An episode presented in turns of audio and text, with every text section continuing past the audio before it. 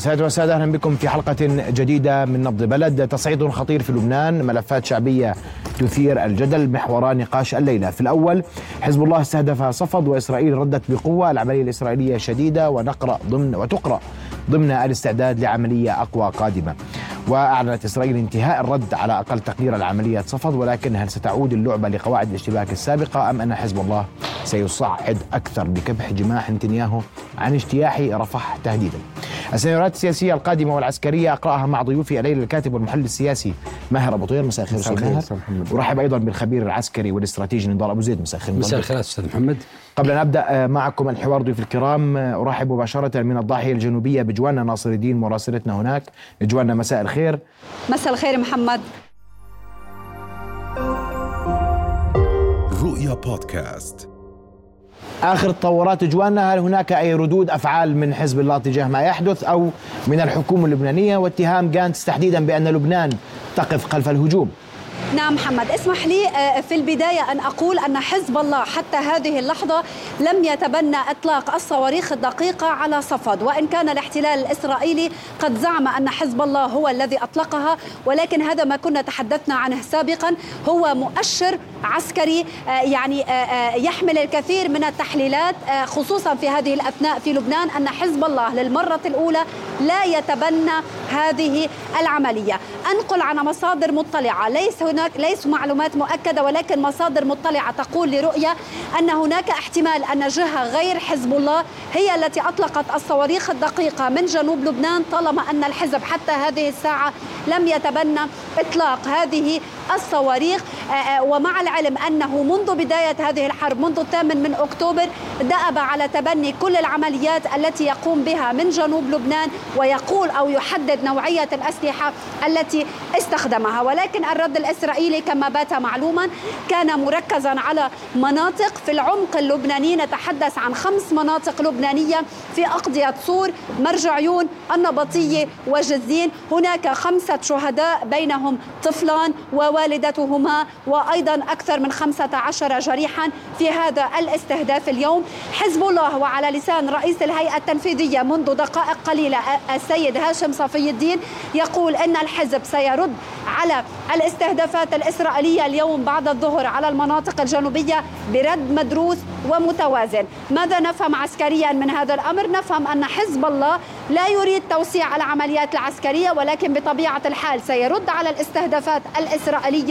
بطريقة مدوزنة ونعود أيضا كما ذكرنا إلى ما قاله أمينه العام أن المدني مقابل المدني في هذه الأثناء هناك هدوء حذر على جبهة الجنوب اللبناني منذ انتهاء الغارات الخمس التي شنت بخمس دقائق متتالية على هذه المناطق. ساد هدوء على جبهة الجنوب فقط الطيران الاستطلاعي يحلق في الأجواء الجنوبية. وهنا أود الإشارة لأنه بالتزامن مع هذه الغارات شهدت العاصمة اللبنانية بيروت خرق للسيادة وتحليق على علو منخفض للطائرات الحربية الإسرائيلية. محمد؟ أه، جوانا بعجالة هناك من ربط ما بين حادثة اليوم أو استهداف اليوم لصفد وحديث السيد حسن نصر الله يوم أمس. هل هناك من ربط؟ على أقل تقدير في الأوساط السياسية اللبنانية. بالفعل كانت هناك تحليلات كثيرة وربط بطبيعة الحال لأن أمين عام حزب الله بالأمس كان واضحا تماما وقال للاحتلال الإسرائيلي تريد أن توسع المعركة؟ نحن سنوسعها. نحن مستمرون على هذه الجبهة طالما الحرب في غزة مستمرة. لن نسمح بأن تجرنا إلى هذا التصعيد. ولكن حسن نصر الله كان واضحا عندما قال إن ال 1701 ليس هو الذي يحمي لبنان بل معادلة جيش وشعب ومقاومة وهو قال إن الحزب على أتم جهوزية لأي عدوان إسرائيلي أو أي توسع على الجبهة اللبنانية. بطبيعة الحال كل ما جرى اليوم لابد أن يتم ربطه بما قاله حسن نصر الله بالأمس لأنه كان واضحا بهذه المعادلة وكان واضحا وهو يقول نحن جاهزون لأي معركة ونحن ما زلنا نحافظ على المصلحة اللبنانية ولكن إذا أردتم أن توسعوا بهذه الحرب نحن سنوسعها. يعني اللافت اليوم وهذا المؤشر الذي تحدثت عنه أن حزب الله لم يتبنى عملية صفد وهنا تطرح علامة الاستفهام. هل حزب الله استهدف صفد ولم يرد الإعلان عن ذلك أم أن هناك جهة ثانية ما أثار هذا الإرباك في الداخل الإسرائيلي ودفعه إلى القيام بهذا الرد العنيف على البلدات الجنوبية؟ على كل ننتظر لنرى إشارة أخيرة على أنه لم يصدر أي رد فعل رسمي لا من رئيس الحكومة ولا من وزير الخارجية ولا أي من مسؤول لبناني على ما جرى اليوم على هذا الخرق الواضح للسيادة اللبنانية ولقواعد الاشتباك. محمد؟ أشكرك كل الشكر جوانا ناصر الدين. كنت معنا مباشرة من الضاحية الجنوبية في بيروت. أنتقل مباشرة للعميد المتقاعد جورج أبي نادر. سيد جورج مساء الخير. مساء النور. يعني عدم تبني حزب الله اللبناني لهذه العملية لا يعني جملة وتفصيلا أنه لا علاقة له لأن كل ما يدور في جنوب لبنان هو تحت أعين حزب الله اللبناني. صحيح أم غير صحيح؟ صحيح هو كل ما يدور في جنوب لبنان نعم هو تحت سيطرة حزب الله. لا وجود للدولة اللبنانية بين النهر الليطاني والحدود الدولية. حزب الله بالحقيقة صحيح نحن عندنا عدو اسمه إسرائيل بس حزب الله يتفرد بالقرار العسكري والسياسي بما يخص الحرب مع إسرائيل. حزب الله لا ننسى أنه هو الذي بدأ بالحرب ب 8 أكتوبر وهو الذي بدأ. لا ذلك لا يعني أن إسرائيل هي دولة آه، ديمقراطية وتحترم حقوق الإنسان وتحترم ابدا. لا يعني ذلك ابدا. إنما حزب الله هو المسيطر على القرار السياسي والعسكري في لبنان. وسمعت من من لحظات السيدة المراسلة في مراسلة آه، محطتكم الكريمة آه، قالت إنه الجو السياسي ما حدا لم يوجد لم يبادر أي أحد من المسؤولين اللبنانيين بالاستنكار. نحن ما عندنا مسؤولين بلبنان نحن عندنا رئيس حكومة توصيف أعمال اعترف أنه قرار الحرب والسلم ليس في يده آه، لذلك السلطة السياسية هي شبه غائبة وهي آه، ما بدي أقول لا تعنيها هي تنأى بنفسها لأنها تعرف أن هذا القرار ليس بيدها هو بيد حزب الله حصرا. طيب سيد جورج آه، هل تعتقد أن الأمور ستتطور في جنوب لبنان أم أنها آه، ستنتهي إلى ما انتهت إليه قبل قليل؟ سيدي المناوشات أو بالأحرى الأفعال والأفعال المضادة وردات الفعل تتطور من حين إلى آخر. يعني اليوم من من يومين إسرائيل قصفت آه، بالمسيرة سيارة مسؤول بحزب الله وسيارة مسؤول بحركة حماس على بعد 70 كيلومتر من الحدود الدولية. إذا ضربت في العمق اللبناني. إسرائيل لا يردعها أي أخلاق وأي معاهدات وأي وأي إنسانية. لذلك وحزب الله اليوم قصف بالعمق. هلأ هو لم لم يعلن مسؤوليته عن عن عن قصف صفد إنما من الذي يقصف صفد؟ هل هي حركة حماس من غزة؟ أشك بذلك. لذلك حزب الله اقتصد بالعمق وإسرائيل تقصد بالعمق أيضا. هون لغاية الآن الحرب لا تزال مضبوطه من الجانبين.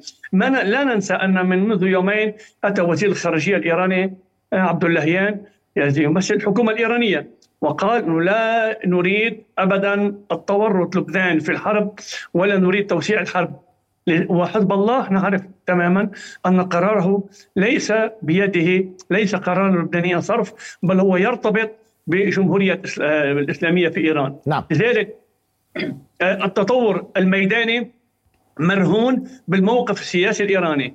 أنا أعتقد أن التطور إلى حرب برية بين لبنان وبين عفوا بين آه، حزب الله وبين جيش العدو الإسرائيلي مرتبط بنهاية حرب غزة.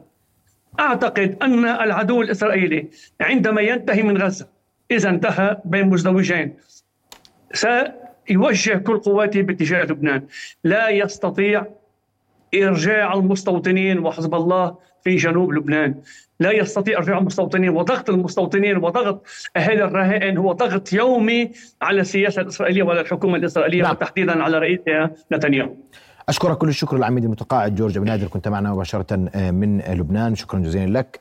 أستاذ ماهر بدي أسمع تعقيبك سياسيا على كل ما حدث اليوم. قبل نعم. أن أسمع التعليق العسكري لأنه اليوم سياسيا حزب الله خطب يوم أمس تحدث بوضوح أنه إذا أردتم توسيع الجبهة نحن سنوسع الجبهة وجاء قصف صفد اليوم و آه، القاعدة العسكرية الشمالية للاحتلال. نعم. إيه، طبعا إيه، في البداية أنت تعرف والكل يعرف أن هذه الاشتباكات سواء كانت اشتباكات حقيقية أو لرفع الحرج يعني آه، بدأت منذ بداية الحرب السابع من أكتوبر وما زالت مستمرة. الخط البياني لهذه الاشتباكات يرتفع يوما بعد يوم ويأخذ اتجاهات مختلفة. لا يمكن الليلة أن نقرأ هذه الاشتباكات أو العملية التي تمت في صفد المحتلة والرد الإسرائيلي رد الاحتلال عليها داخل جنوب لبنان بمعزل عن كل ملف الإقليم.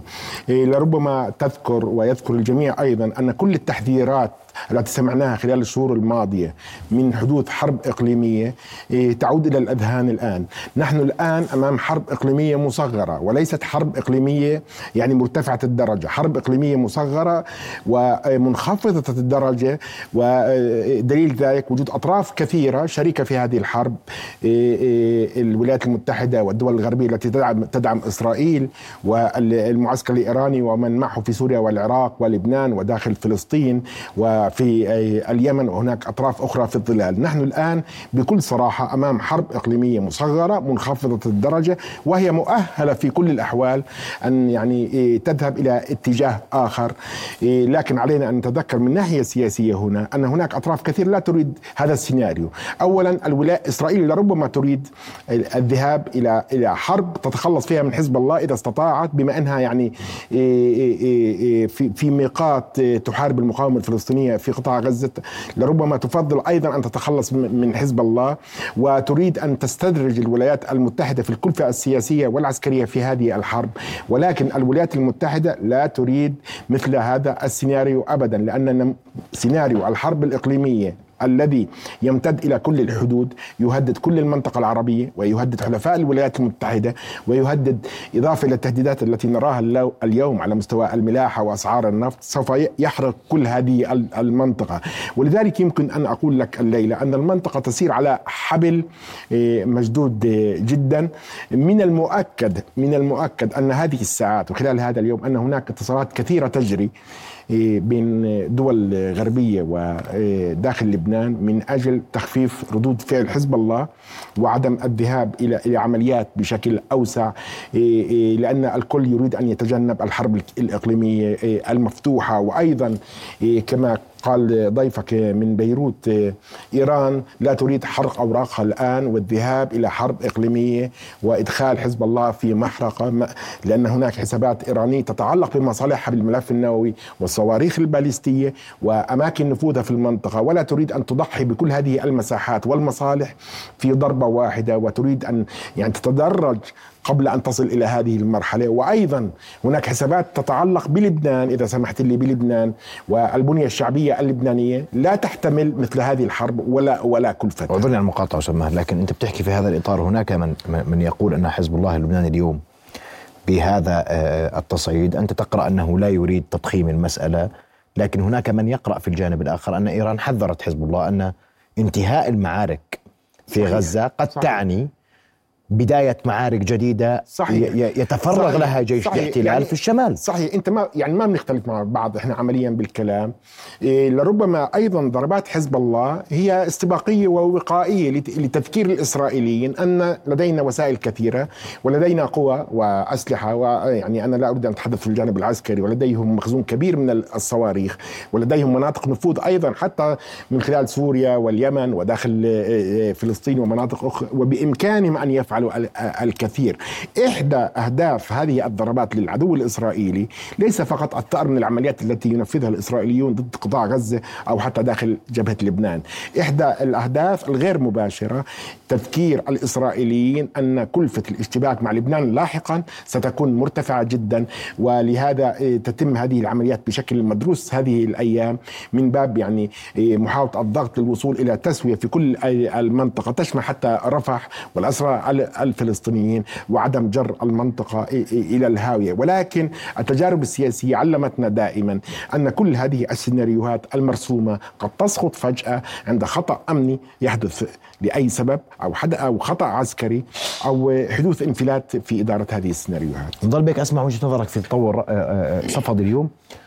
والتطور المهم أن الصواريخ الخمس كانت صواريخ موجهة عالية الدقة. قد لا يكون في المنطقة هناك من يمتلك مثل هذه الصواريخ غير حزب الله اللبناني.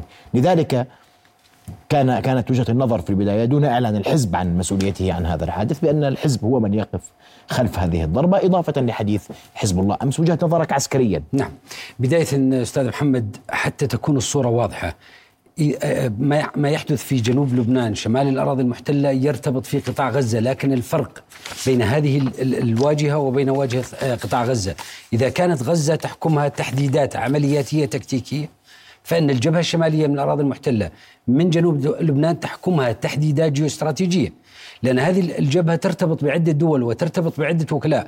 هنا نود أن نشير إلى أن حزب الله هو وكيل أي أن حزب الله آه، يعمل بالنيابة عن إيران التي تتقن ال proxies war أو حرب الوكلاء. وبالتالي هناك مقولة واضحة جدا في كل حروب الوكلاء أن الوكيل إذا انتصر هو ينتصر وينتصر معه داعمه أو إذا كسب هو يكسب ويكسب داعمه لكن إذا خسر فإن الوكيل يخسر لوحده. وبالتالي من هذا المنطلق ما ما يحصل جنوب لبنان شمال الأراضي المحتلة من تصعيد يبدو أن في ظل ما حدث باتجاه صفد.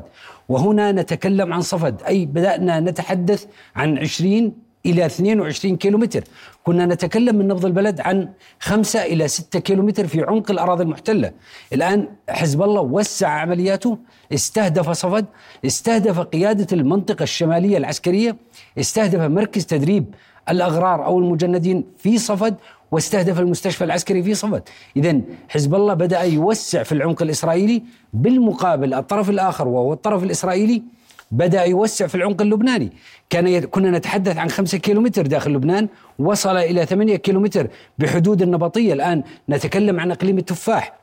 بمعنى أن الطائرات الإسرائيلية بدأت تعمق من عمليات العسكرية يوم أمس. كان هناك عملية بطائرة مسيرة نحو أحد عناصر آه، آه، حماس كانت بعمق 60 كيلومتر. بالتالي هذا التوسيع المضبوط والذي يعتبر في العرف العسكري هو قد قد أرسم هذا الشكل من العمليات العسكرية إلى أنه أكثر قد يكون أكثر من آه، وأعلى من عمليات استنزاف وأقل من معركة تقليدية traditional war بين الطرفين وبالتالي هذه العمليات المضبوطة وهذا التوسيع في عمق الأراضي المحتلة أعتقد أن حزب الله رغم أنه لم يعلن ولم يتبنى هذه العملية لكن الصواريخ التي أرسلت وهي صواريخ موجهة قد يكون لا يمتلك أي من الفصائل الموجودة في جنوب لبنان سوى حزب الله يمتلك هذه الصواريخ. قد يريد إرسال إشارة أو إشارتين الإشارة الأولى أن هذه العملية جاءت على أعقاب وصول وزير الخارجية الإيراني أمير عبد اللهيان لقائه في دمشق ولقائه مع نصر الله في بيروت يوم أمس. وبالتالي هو يريد إرسال إشارة إلى الجانب الإسرائيلي.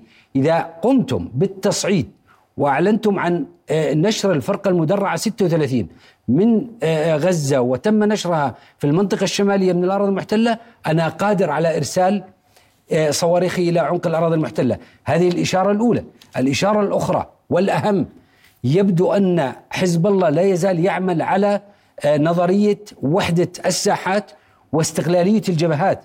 ومن هنا يريد زيادة الضغط على الجبهة الإسرائيلية الشمالية من أجل لأنه يدرك تماما أن المجتمع الدولي والطرف الأمريكي الرئيسي اللاعب الرئيسي في هذا الملف لا يريد توسيع أو توسيع دائرة الصراع في هذه المنطقة وبالتالي هو يريد الضغط بهذه المنطقة حتى يزعج الجانب الأمريكي ليدفع الجانب الأمريكي للضغط على إسرائيل أكثر للذهاب باتجاه المفاوضات أو ما يجري في القاهرة. وبالتالي هناك إشارتين مهمات على هذه العملية التي حدثت ولا يمكن أن نفصل بين ضربة آه، اليوم في صفد عن ضربة أمس في كريات شمونة عن ضربة أول أمس إلى قاعدة ميرون آه، وهي قاعدة استخبارية تكلمنا عنها كثيرا من نبض البلد. طيب بعد الفاصل سأعود لك أستاذ ماهر وكل ذلك يحدث ويحدث ما يحدث في القاهرة دون وجود تسريبات باستثناء أن حماس على ما يبدو وفق ما يرشح في هذه الأثناء ترفض المبادرة أو التوقيع على اتفاق الهدنة دون السير قدما بشروطها التي وضعتها على اتفاق باريس. هذا جانب. والجانب الآخر أن هناك ضغطا كبيرا على رفح فهل يسعى حزب الله فعليا تخفيف الضغط أو منح المقاومة اوراقا في المفاوضات في القاهرة. هذا توصيف طبعا. يعني هو هو أنا شوف علي ما بدي أبث في الإحباط الليلة بنفوس الناس. بدي أذكرك بحقيقة مهمة. عدد الأسرى الفلسطينيين في سجون الاحتلال قبل حرب السبعة من أكتوبر كان بحدود سبعة أو 6800 يمكن يعني نحكي سبعة. إسرائيل أو الاحتلال من بداية الحرب لليوم اعتقلت من غزة ومن الضفة الغربية من القدس كمان بحدود شو؟ سبعة. معنى إيش معنى الكلام؟ يعني صار عندهم 14 ألف أسير، معنى الكلام إنه هم أصلا الاحتلال الإسرائيلي نفسه أفسد جدوى صفقة تبادل الاسرى وهذا بيأخذنا لشيء ثاني بكرة صار صفقة تبادل. مقابل هدنه مؤقته وروحوا الاسرى الإسرائيليين على كينونة الاحتلال. ما أنت عندك ضمانه في عند أي طرف عربي أو أجنبي ضمانه إنه إسرائيل ما ترجع تعتقل الالاف هذا بياخذنا للاستنتاج الأهم. أن صفقة صفقة الأسرى الإسرائيليين. إذا لم تؤدي لوقف حرب كاملة داخل قطاع غزة فهي صفقة لن تكون ناجحة. وإذا لم تؤدي هذه الصفقة إلى رفع الحصار عن قطاع غزة وعدم التدخل هذه النقطة الثالثة في شؤون قطاع غزة بعد الحرب وانسحاب القوات الإسرائيلية بشكل كامل فإن هذه الصفقة خاسرة بكل الأحوال. هذا وهذا يقودنا إلى العنوان الأساسي. من الطبيعي في هذه الحالة أن يتم رفض الصفقة تؤدي إلى هدنة مؤقتة. يعني أنا أروح أسلمك اليوم الأسرى اليوم وبعد تغيب توقف حرب شهر وتستخدم هذا الشهر في عمليات استخبارية. تعرف شو عمليات التحرك اللي صارت جو جوا القطاع وإعادة التموضع للمقاومة وللناس وكذا. وترجع أنت بعد ما جمعت معلومات جديدة وعملت إنعاش لقواتك العسكرية ترجع تذبح الناس الأبرياء من أول وجديد. هذا هذا الكلام يعني يعني أي حركة سياسية بالمناسبة أي شخص عنده شوية خبرة سياسية أو عسكرية راح يرفض الصفقة بهذا المعنى. ولذلك أنا تنظيمات المقاومة بشكل عام بتحاول تستغل هذا الميقات بالذات مع ضغوطات جبهة لبنان من أجل الوصول إلى صفقة منجزة تحقق عدة عدة أهداف. النقطة المهمة اللي بدي أقول لك إياها أن أن التهديد الإسرائيلي أنا جايك على رفح هلا التهديد الإسرائيلي لرفح بالاجتياح. هناك رواية تقول أن إسرائيل لا تريد أن تجتاح رفح ولكن تهدد باجتياح رفح في سياق الابتزاز السياسي لتنظيمات المقاومة أن مجزرة ستحدث إذا لم يعني تخضع لضغوطنا وتطلق سراح الأسرى الإسرائيليين لأنه حكومة إسرائيل والفريق الحاكم في إسرائيل الآن في ورطة أمام الجمهور الإسرائيلي هو يدخل في هو مصنف نفسه كدولة عضو متورط في حرب يقترب من الشهر السادس يا رجل. ولذلك أنه الابتزاز هذا يقوم على أساس إنه إيه، الضغط على تفصيلات تنظيمات المقاومة من أجل تسليم الاسرى والتراجع عن اقتحام مدينة مدينة رفح. وللأسف الشديد بصراحة الليلة أنا بقول لك الرئيس الفلسطيني أو رئيس سلطة أوست محمود عباس الليلة أو اليوم صرح تصريح وكأنه طرف حيادي بيناشد تنظيمات المقاومة إنها تسلم الأسرى الفلسطينيين حتى لا يتم اجتياح رفح. وهذا كلام خطير جدا. وكأنه يقول مس وكأنه يتشارك مع الإسرائيليين في لعبة الضغط على الفلسطينيين وعلى المقاومة الفلسطينية في قطاع غزة وكأنه مسبقا يتبرأ من المذبحة إذا وقعت في في قطاع لكن البعض تفائل في في مفاوضات قطر أمس على أقل تقدير في المصالحة الفلسطينية. مش مهم مش لا لا لن يا يعني إحنا إحنا ليش نضل أنا ما بدي أحكي عنك. ليش إحنا نضل نتلاعب بوعي الناس؟ اولا الناس كلها واعية اليوم. اثنين في مشروعين مختلفات. أي مصالحة؟ ما بصير مصالحة. هون مشروع له سماته ووسائله. وهون مشروع له سماته ووسائله. من الاستحالات من الاستحالات أن تحدث هناك مصالحة فلسطينية حقيقية دون أن يطغى طرف على طرف أو يتغير تتغير سمات أحد المشروعين. بشكل واضح مشروع سلطة أوسلو يعني إيه، إيه، برغم كل العناوين التي يتم طرحها الآن في التوقيت الحساس الذي نعبره الآن وبذريعه منع إسرائيل من اجتياح الضفة الغربية أو اعطائها أسباب لاجتياح الضفة الغربية هو يعمل بشكل وظيفي لصالح الاحتلال الإسرائيلي على عكس المشروع الموجود في قطاع غزة. هذا الكلام إذا بتحكي لناس للتيار اللي عمل التيار العملي والبراغماتي راح يحكي لك لا إحنا لنا نتائج. النتائج إنه قطاع غزة اتأذى مئة ألف شخص ما بين شهيد وجريح والبيوت تهدمت. على الأقل التيار اللي موجود في مناطق أخرى قد يوصف بأنه عاقل. وأنا بحكي لك هو جزء من المشكلة وليس عاقلا كما يدعي أنصار هذا التيار. ولذلك عودة إلى إلى ملف رفح. تكتيكيا الآن إسرائيل تحاول أن تستخدم ملف رفح لابتزاز المقاومة لتسليم الأسرى والتنازل عن بقية الشروط وأن تكون المقايضة الأسرى مقابل عدم اجتياح رفح فقط. أما الحصار سوف يستمر التدخل الأمني والعسكري سوف يستمر إنهاء حركات المقاومة محاولات الإنهاء سوف تستمر خصوصا في ظل الفشل الإسرائيلي والجرأة على المدنيين فقط. ولذلك أنا بعتقد أن التوقيت في غاية الحساسية أي خطأ سيتم ارتكابه من جانب المقاومة خلال مفاوضات الأسرى سيؤدي إلى نتائج كارثية وهذا يفسر أن هذه الصفقة لم تنجز حتى الآن. يتزامن ذلك مع فيديو بثته بثه الاحتلال؟ تحدث فيه أنه للسنوار؟ نعم. داخل أحد الأنفاق مع عائلته. وهناك تحليلات كثيرة حول هذا الفيديو. توقيته سبب نشره لماذا نشره الاحتلال اليوم؟ أين يتواجد السنوار اليوم؟ نعم. عسكريا في هذا الجانب ماذا تقول؟ ما ظهر في مقطع الفيديو الذي انتشر واستحوذ على كل وسائل التواصل تقريبا على كل وسائل راح التواصل. ننشر راح راح نستعرض. على كل وسائل التواصل. هناك ملاحظتين على هذا المقطع. الملاحظة الأولى أن هذا المقطع وحسب المصدر الإسرائيلي. هذا المقطع مسجل ب 10 10 بتاريخ 10 10 2023 وبالتالي بعد ثلاث أيام من 7 أكتوبر من عملية 7 أكتوبر.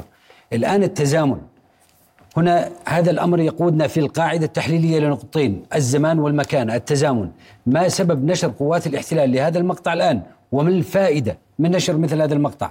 هذا يقودنا. آه، اسمح لي بس نضل بك هذا هو المقطع نعم. وتوقيته تاريخه 10 10 نعم. نعم. وهو تحليلي بالنهاية يعني هم يظنون أن هذا هو يحيى آه، السنوار لأنه لا يظهر بوضوح على تقريبا تماما. آه، سأذهب باتجاه الرواية التي تحدث عنها الاحتلال وأن هذا يحيى السنوار رغم أن الملامح غير واضحة ولا تؤكد أن هذا الذي يظهر في المقطع هو يحيى السنوار. وبالتالي التزامن الزمان والمكان. وسبب نشر هذا المقطع في هذا التوقيت رغم أن قوات الاحتلال حصلت عليه منذ 10 10 هي وهذا- لا ممكن ما أخذوش عشان هو بيقولوا إنه هذا في خان يونس. معلش نضل بك. هلا هذا التصوير هم بيقولوا إنهم حصلوا عليه في عمليات خان يونس. تماما. وهذا التصوير تم في عشرة. عشرة تصوير هذا المقطع في عشرة عشرة. وصور من كاميرا موجودة داخل نفق. يعود هذا النفق للمقاومة وظهر فيه تنقل يحيى السنوار مع عائلته داخل هذا النفق. لماذا الآن؟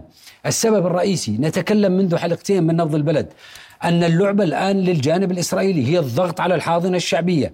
تريد هدفين تأليم الحاضنة الشعبية على المقاومة أو الضغط على الحاضنه الشعبية. لابتزاز أو مقايضة المقاومة مقايضة المقاومة بالحاضنة الشعبية من أجل تقديم تنازلات وبالتالي عندما تظهر الاحتلال مقطع كهذا حتى تظهر للحاضنه الشعبية للمقاومة وتقول أن يحيى السنوار موجود ويتنقل مع عائلته هو يخفي عائلته عن الشارع الإسرائيلي أو عن عن الشارع في غزة يحمي نفسه ويحمي عائلته ويترك الغزيين وبالتالي هي تناست أن ال- ال- الحاضنة الشعبية لا تزال متماسكة حول المقاومة وهذا اللعب وهذه الأوراق التي تلوح أو يلوح بها الاحتلال هو يريد منها الضغط على الحاضنة الشعبية. هذا إذا ما صح أن هذا المقطع يعود إلى يحيى السنوار الذي لا تظهر له ملامح حقيقية آه، في هذا المقطع. فيما يتعلق بموضوع رفح وارتباط ما حدث في شمال الأراضي المحتلة جنوب لبنان بموضوع رفح لا زلنا نؤكد ونقول وقلنا من نبض البلد أن الجانب الإسرائيلي يدرك تماما حجم فاتوره التكاليف التي ستدفع فيما لو توجه إلى رفح ضمن سياق أربع أسئلة رئيسية. السؤال الأول أنه هل لو لو آه، صدقت روايات الاحتلال ولو صدقت حدة التصعيد الإعلامي للاحتلال بأنه سيذهب إلى عملية عسكرية آه، إلى رفح، هل يملك الاحتلال طرف القوة العسكرية يستطيع من خلال يملك ولا لا يملك؟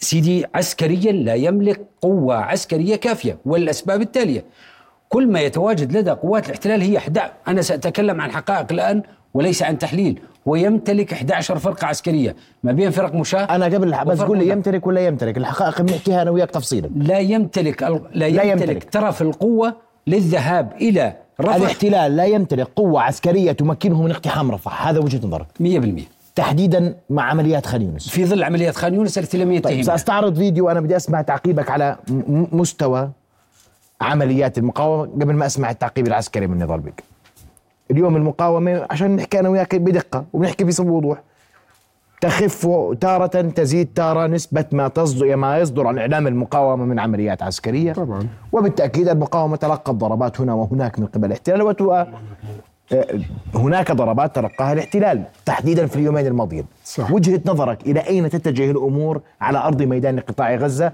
وقدرة الحاضنة الشعبية للمقاومة على الاستمرار في دعم هذه المقاومة؟ لا شوف علي إحنا برجع أقول لك أول شيء على خليني أحكي لك عن الحاضنة الشعبية.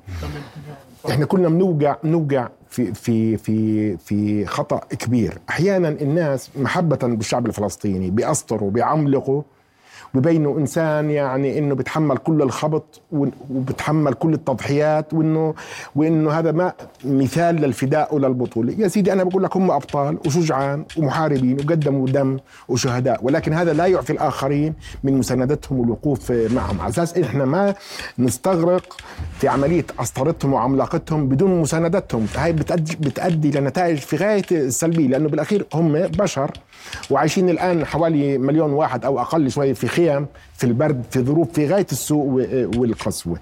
ولذلك أنا أنا بقول لك إنه إنه بدي أذكرك إنه من سنة 2007 حتى اليوم انبنت قاعدة شعبية كبيرة جدا للمقاومة. يمكن أول كان في انقسام في غزة انقسام شعبي بسبب وجود السلطة وحركة فتح والاتجاهات الأخرى. ولكن من سنة 2007 لليوم أنت بتحكي تقريبا على 20 سنة انبنت عائلات. عائلات أنا بقول لك وهي أكيد عائلات وأفراد وأجيال كاملة منتمية للمقاومة الفلسطينية. إذا ما كانت منتمية بالمعنى العسكري منتمية بالمعنى الوجداني. إذا حدث هناك يعني إيه، إيه، ضيق من القاعدة الشعبية فبتكون على مستوى محدود مستوى محدود جدا. لن تؤدي إلى خروج أهل قطاع غزة للهتاف ضد تنظيمات المقاومة. ولكن هم في الأخير بشر. بشر. الإنسان هذا إنسان إنسان بالأخير. لما يتألم يجوع أولاده يستشهدوا أهله وكذا بده يتأثر. وأنا كمان برجع لسؤالك على الأضرار اللي اللي وقعت. طبعا هاي حرب هاي حرب يعني أنت متوقع إنه المقاومة يصير فيها أضرار؟ بده يصير فيها أضرار. ولكن إذا بتحكي بقياسات الكلف السياسية أنا ما بحكي بالجانب العسكري نضال بيك موجود. في الجانب الكلف السياسية الأضرار التي وقعت على إسرائيل ألف ضعف من الأضرار التي وقعت على الفلسطينيين. أنت عارف إيش؟ يعني حرب داخل قطاع غزة تقترب من الشهر السادس. وين الدولة العظمى يا أخي؟ وين الدولة العظمى اللي متورطة في قطاع غزة؟ مش عارفة تجيب شخص رمز واحد تبيعه للإسرائيليين إنه وصلت لفلان أو علان. ست أشهر متورطة داخل قطاع غزة ومش قادرة تحسم الحرب ولا تنهيها. والآن شاركه معها جبهة جنوب لبنان وجبهات أخرى. إيه، أنت لازم تروح تقرأ التقارير الدولية واللي داخل الاحتلال الإسرائيلي أو إيه، الكلام اللي بيوصل من داخل فلسطين 48 على الانهيارات في كافة القطاعات. غير المئات الآلاف اللي هاجروا من داخل إسرائيل معهم جنسيات اجنبيه، اليوم أنت كيف بدك تقنع واحد يهودي روسي يحمل حاله ويجي يقعد في بئر السبع أو في في تل أبيب، في نتائج سياسيه صارت داخل بنية الاحتلال. انتهت. كانت مدمرة جدا للاحتلال. واضح. علشان بس بكلمة أخيرة فضل. ما نضل إحنا متأثرين بس بالصورة العاطفية لأبنائنا وأشقائنا أبناء الشعب الفلسطيني حين يتعرضون للضرر. عليك أن تفتح عينك جيدا على الكلف الخطيرة التي دفعتها إسرائيل لأول مرة منذ نشأة الاحتلال عام 48 هذا الفيديو نقطة صفر بدقيقة. أرجوك نعم.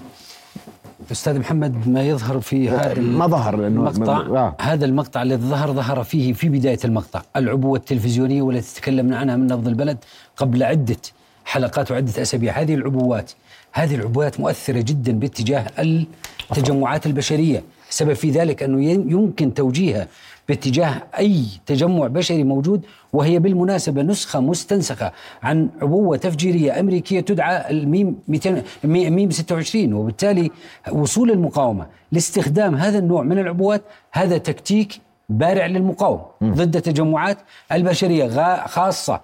ما العبارة التي تكلمنا عنها كثيرا من نبض البلد؟ في ظل غياب الدرع. وبالتالي نزل جندي المشاة على الأرض أصبح هدف سهل للمقاومة. وكما شاهدنا في هذا المقطع قنص قائد الكتيبة والذي تحدثنا عنه أمس 630 ومساعد قائد سرية في هذا المنطقة الموقع. وبالتالي لا تزال القيادة والسيطرة للمقاومة متماسكة في ظل تهشيم القيادة والسيطرة لدى قوات الاحتلال. نضال بيك وأستاذ ماهر بدي أشكركم كل الشكر على حضوركم. معنا كل الشكر لكم. شكرا. رؤيا بودكاست.